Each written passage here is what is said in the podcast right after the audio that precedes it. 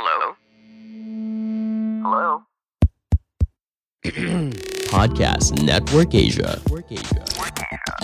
Halo pendengar sekalian, selamat datang kembali di episode terbaru dari Mitologi Santuy, podcast yang membahas mitologi dengan cara yang santuy. Untuk pendengar yang baru saja mendengarkan tentang podcast Mitologi Santuy, silahkan subscribe di Spotify atau di channel podcast yang Anda sukai.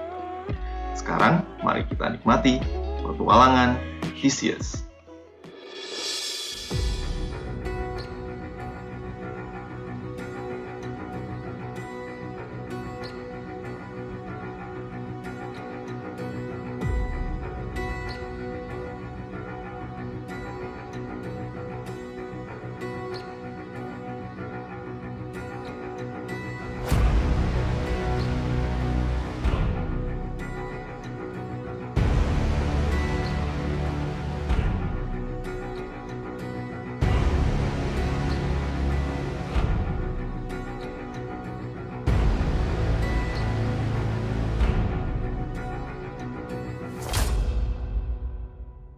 Kegelapan menyelimuti indra Theseus saat dirinya terhempas ke dalam labirin. Butuh waktu untuk menyesuaikan diri di lorong yang gelap dan tak memiliki penerangan tersebut. Lantai labirin terasa basah. Entah basah oleh lumpur atau lapisan apa yang telah mengendap lama di neraka yang hanya berpenghuni satu orang ini. Theseus menggapai perlahan, berusaha mencari pijakan untuk berjalan dalam kegelapan yang menaunginya. Perlahan ia bergerak, tangannya memegang gumpalan benang yang disembunyikannya. Perlahan jari jemarinya mengurai dan meletakkan awalan benang ke lantai. Theseus berjalan dengan tangan kanan bertumpu pada dinding, dan tangan kirinya mengulur jalinan benang yang merupakan satu-satunya petunjuk untuk kembali ke pintu masuk. Labirin yang dibuat oleh Daedalus ini memang bukan sembarangan. Terkadang Theseus dibawa ke lorong yang luas dengan hembusan angin yang perlahan bertiup, sampai ke lorong sempit di mana dia harus menunduk. Kadang jalannya menanjak, dan kadang juga menurun. Hampir dipastikan semua yang masuk ke dalam lorong sesat ini akan kebingungan dengan rumitnya jalan dan suasana mengerikan yang dirasakannya. Terkadang jalan yang dilalui malah menemui jalan buntu. Tentu orang mungkin bisa mencapai bagian tengah dari ruangan. Tapi untuk kembali, not a chance. Suara langkah terdengar. Samar-samar, Theseus mendengar suara langkah berat yang bukan miliknya. Desah nafas pun terdengar semakin dekat. Namun kegelapan menghalangi matanya untuk melihat sosok yang perlahan semakin dekat tersebut.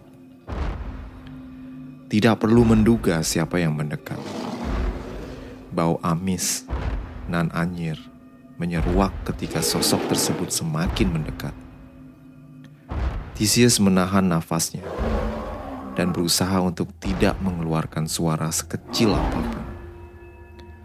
Langkah sang monster tiba-tiba berhenti, menyisakan suara nafas yang bergemuruh. Theseus berdiri mematung. Punggungnya menempel ke tembok terpojok oleh kehadiran sang monster yang kini hembusan nafasnya bisa dirasakan oleh Theseus. Sang monster yang telah menghuni penjara ini, sumur hidupnya tentu merasakan kehadiran mangsa. Namun tampaknya kegelapan yang menghalangi indera Theseus juga merupakan hambatan baginya. Minotaur mengangkat kapaknya dan mengayunkannya ke tembok. Nyaris kapak tersebut menghantam kepala Theseus. Hanya beberapa senti dari kepala sang pahlawan. Keringat dingin mengucur di kening Theseus. Lawan yang dihadapinya sekarang bukanlah lawan yang pernah dihadapinya sebelumnya. Seorang makhluk kejadian dengan kekuatan seekor sapi jantan dan kemampuan menggunakan senjata layaknya seorang manusia fana. Melawan monster ini dengan tangan kosong tentu tak mungkin, apalagi dalam kegelapan yang begitu pekat. Theseus kini hanya berharap pada nasib baik yang selalu menyertainya selama ini. Jika tidak, Theseus akan mengakhiri hidupnya sebagai cemilan atau sarapan ringan sang monster. Si monster pun beberapa kali mengayunkan kapaknya, namun hanya menyentuh ruang hampa. Alhasil, Minotaur pun kemudian berjalan pergi mencari korbannya meninggalkan Theseus yang nyaris tak sanggup bernafas karena suasana intens penuh dengan ketegangan barusan. Theseus sadar tak mungkin bisa menghadapi Minotaur tanpa senjata. Sekarang, fokusnya adalah mencari apa pun yang bisa digunakannya untuk meningkatkan peluang tempurnya. Theseus perlahan meraba-raba apa pun yang ada di sekitarnya. Lantai tempatnya berpijak penuh dengan kotoran yang menumpuk. Theseus terus mencari-cari dan menemukan beberapa batu yang familiar baginya. Ah, batu api. Untung waktu kecil gue sering main sama anak-anak tambang. Theseus pun terdiam. Menunggu sampai tidak terdengar lagi suara langkah si monster. Dan kemudian merobek sebagian dari toga putihnya. Theseus kemudian dengan telaten menggesekkan batu api yang ditemukannya. Percikan bunga api yang dihasilkannya kemudian membakar sobekan kain toga.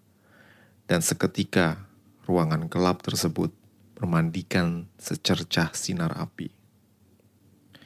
Theseus berusaha menyesuaikan matanya dengan cahaya. Dan perlahan matanya melihat ke sekeliling dan menemukan begitu banyak ampas dan tulang belulang yang tersebar di berbagai ruangan. Sekarang Theseus baru menyadari betapa genting dan mengerikannya tempat ini. Tanpa tendeng aling, Theseus bergerak mengambil apa pun yang berguna baginya. Sorry om, pinjem dulu ya tulang lengannya. Eh, sekalian nama rusuknya deh. Maaf ya om, ini masalah hidup dan mati om. Theseus kemudian mematahkan tulang lengan dari salah satu jasad korban Minotaur yang teronggok di lantai labirin. Dengan cekatan, Theseus menggunakan tulang tersebut sebagai obor, dan tulang rusuk yang diambilnya kemudian diselipkan di tali pinggangnya. Senjata primitif, namun bisa digunakan dalam kondisi darurat. Theseus kini telah memperoleh api dan senjata sebagai modal tambahan untuk menghadapi Minotaur. Theseus berjalan dengan obor di tangan kiri dan gulungan benang di tangan kanannya. Langkah demi langkah memasuki labirin. Nuansa mengerikan semakin membekat. Aroma amis dan bau menyeruak. Dan ke mana pun Theseus menapakkan kakinya, di sana ada bekas kehidupan yang direnggut oleh sang monster. Theseus kemudian sampai di suatu ruang di mana terdapat pilar cahaya dari atapnya. Ah, ini pasti ruangan tengah dari labirin. Ruang tempat sang makhluk terkutuk itu tinggal. Pilar cahaya yang dilihat oleh Theseus ternyata berasal dari lubang yang ada di langit-langit ruangan. Hmm, sepertinya dari sini para korban dilemparkan.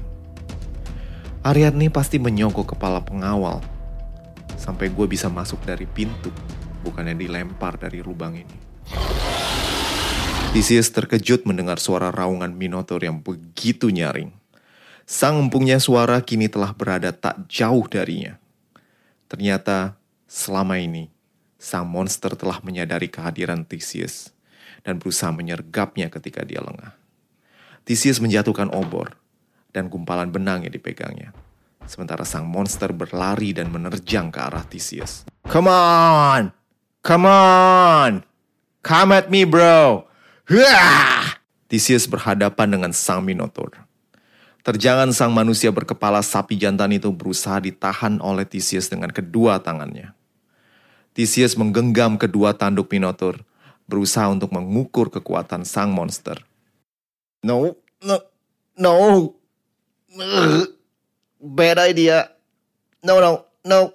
Theseus segera kewalahan dan kehilangan pijakan. Si monster yang ganas tersebut lebih kuat secara fisik dan segera Theseus terdorong ke tembok. Theseus dengan sekuat tenaga berusaha bertahan, namun kali ini dan selalu, sang pahlawan yang kalah fisik ini menggunakan akalnya. Dengan kaki kanannya menyentuh tembok, Theseus kemudian melentingkan tubuhnya ke depan sambil bersalto memanfaatkan momentum serangan Minotaur. Sang monster kemudian menghantam tembok karang dan tanduknya pun tersangkut. Theseus berlari, kemudian mengeluarkan tulang rusuk yang terselip di pinggangnya dan berusaha menyerang Minotaur yang sedang berusaha melepaskan dirinya dari tembok. Theseus kemudian berusaha melompat, berniat menanamkan tulang rusuk korban ke titik vital si monster. Namun sang Minotaur berhasil melepaskan diri dan dengan refleksnya mengayunkan kapak bermata duanya ke arah Theseus. Beruntung Theseus memiliki refleks yang cepat dan momentum yang tepat. Theseus menghantam siku kanan si monster dan si kapak tersebut gagal bersarang di tubuh Theseus. Sang monster kehilangan keseimbangan dan jatuh dengan lutut kanan menyangga tubuhnya. Theseus kemudian melanjutkan serangan dengan menancapkan tulang rusuk ke leher sang Minotaur. Darah menyembur bagaikan pancuran air yang deras. Sang monster kemudian menguat namun tetap bersikeras untuk menyerang Theseus. Tangannya yang tegap kemudian menjangkau leher Theseus. Theseus yang sudah mati langkah tak sanggup lagi melawan. Cekikan Minotaur mencengkram leher Theseus yang berjuang untuk melepaskan diri. Theseus berusaha bernafas, dan Minotaur yang tengah berdarah-darah berusaha membawa Theseus ke alam maut bersamanya. Duel kedua insan beda spesies ini hanya bisa diakhiri oleh sang waktu. Theseus tahu dirinya sudah menang, dan Minotaur pasti mati kehabisan darah. Namun apakah dia akan ikut menemani sang monster menghadap Hades? Tidak. Belum saatnya aku mati. Aku harus bertahan lebih lama daripada engkau. Theseus kemudian menemukan ruang dan momentum tepat untuk beraksi. Sang Minotaur yang tengah meregang nyawa tak menjaga lehernya. Tulang rusuk yang tertanam di lehernya masih menancap dan Theseus kemudian mengumpulkan segenap tenaganya untuk melancarkan serangan penghabisan. Theseus memegang tangan Minotaur yang mencengkram lehernya dengan kedua tangannya. Dengan tenaga terakhirnya, Theseus kemudian mengangkat kaki kanannya dan menendang leher Minotaur, mendorong tulang rusuk tersebut semakin dalam ke dalam leher sang monster. Minotaur yang terkejut melemparkan Theseus yang kemudian terhempas menabrak ke dinding. Sang monster memegang lehernya yang mengucurkan darah segar. Perlahan sang Minotaur yang telah memangsa begitu banyak korban terkapar dan kemudian jatuh. Theseus terkulai lemas. Dirinya kehabisan tenaga dan nyaris saja dia mati dengan tulang leher yang patah. Minotaur, sang penghuni labirin, telah tewas. Monster mengerikan itu menghabiskan nafasnya yang terakhir. Theseus menaruh iba kepada monster yang lahir ke dunia dengan penuh penolakan tersebut. Sang pahlawan menghampiri Asterion dan menutup matanya yang berbelalak. Kiranya Hermes membawamu ke alam baka dengan selamat, wahai Asterion, putra kereta. Sebelum kita lanjutkan cerita petualangan Theseus, sedikit kata dari sponsor kami. Anda mencari pakaian baru, atasan, sepatu, aksesoris, atau perhiasan. Zalora memiliki semua pilihan tersebut. Dengan pilihan yang keren dan juga ramah di kantong, Gak ada alasan untuk melewatkan kesempatan ini. Silahkan kunjungi Zalora dengan tautan yang ada di deskripsi episode. Sekarang kita lanjutkan cerita petualangan dari Theseus. Theseus kemudian meniti jalannya kembali ke pintu masuk labirin, bermodal benang yang sudah diulurnya dari pertama kali memasuki ruangan sesat ini. Terbukti Theseus dengan mudah berhasil mencapai pintu masuk. Sekarang saatnya mendobrak pintu masuk dan melumpuhkan pengawal, kemudian kabur. Eh, bentar, bebasin teman-teman dulu. Theseus mengintip melalui lubang kunci dan mendapati bahwa sang pengawal sedang tertidur. Theseus dengan sekuat tenaga kemudian mendorong pintu, namun ternyata pintu tersebut tidak dikunci dan dirinya pun terbanting ke depan. Lah, kok nggak dikunci? Aneh. Theseus kemudian menghampiri sang pengawal yang tampak tertidur. Theseus ingin mengambil kunci penjara tempat teman-temannya berada. Dengan hati-hati, Theseus memeriksa sang pengawal. Namun ternyata di luar dugaan, sang pengawal telah tewas. Looking for this? Kata Ariadne yang tiba-tiba muncul di belakang Theseus sambil memainkan kunci-kunci penjara dengan tangannya. Theseus tersenyum dan di luar dugaan, Ariadne langsung memeluknya dan memberikan kecupan hangat. Theseus menerima sambutan hangat dari putri Minos tersebut. Ariadne mengabaikan fakta bahwa Theseus bermandikan keringat, darah, plus bau ketek dan pastinya dekil. So much love. Theseus yang terlena kemudian tersadar. Eh, eh, bentar, bentar, bentar, bentar. Salfok gue. Mestinya gue nggak enak-enakan dulu di sini. Eh, kita mesti nolongin rombongan gue. Ah, abang. Santai aja kali. Semua udah gue atur. Yuk, capcus. Ariadne menggandeng Theseus sambil berlari melewati lorong-lorong rahasia dan jalan-jalan kecil yang tak dijaga. Kedua insan tersebut berlari kegirangan macam anak-anak bubaran sekolah. Mak-mak ngejar diskonan atau bapak-bapak di lomba tujuh belasan. Keduanya sampai di pelabuhan Heraklion nyaris tanpa halangan. Theseus mendapati rombongannya sudah berada di kapal dan siap untuk berangkat. Theseus dan Ariadne kemudian melompat ke geladak kapal dan bersiap untuk pergi dari kereta sampai suara trompet perang tiba-tiba berbunyi di tengah kesunyian malam. Ah, shit. Kita ketahuan. Tapi gak apa-apa, gak apa-apa. Si Om udah siapin plan B. Captain, ayo jalan. Liatin apa lagi? Lu selalu punya plan B ya? Kapten kapal mendengar perintah Ariadne dan layar pun terbentang. Rombongan Theseus kemudian mendayung sekuat tenaga sementara pasukan Minos sudah sampai di pantai. Beberapa kapal kemudian diawaki oleh para prajurit pengejar. Tampaknya sang penguasa kereta telah menyadari keberhasilan Theseus membunuh Minotaur dan terlebih lagi sang putri juga ikutan kabur dengannya. Dayung lebih cepat! Cepat teman-teman, ini bukan lomba 17-an, ini hidup dan mati! Theseus sambil mendayung kapal trirem yang kemudian meluncur meninggalkan pelabuhan di kegelapan malam. Hentikan mereka! Jangan sampai lolos! Para prajurit mengejar dengan lima kapal trirem yang telah siap untuk berangkat. Bagi prajurit kereta yang memang handal angkatan lautnya, misi pengejaran ini bagaikan orang dewasa mengejar balita.